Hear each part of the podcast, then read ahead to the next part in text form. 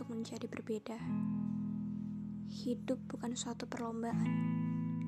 Mencari siapa yang menang, lalu selanjutnya siapa yang akan kalah.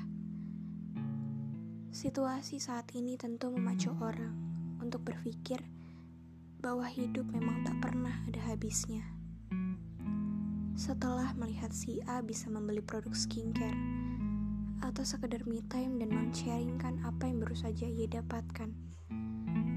Tapi beberapa orang di sekelilingnya mengumpat perlahan.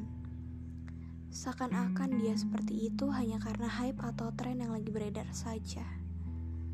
Tapi di luar itu, mungkin orang gak tahu kalau dia sedang mengapresiasi segala hasil jeripayahnya selama ini.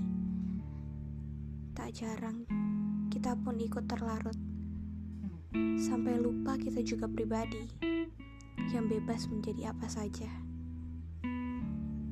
Untuk segala hal di luar sana yang terjadi tanpa kendali, percayalah, saat seseorang sedang menikmati kebahagiaan dalam hidupnya, dia juga mengorbankan rasa sakit yang dimilikinya dan melepasnya kepada semesta berharap di hari esok tetap akan ada rasa syukur di setiap kesulitannya.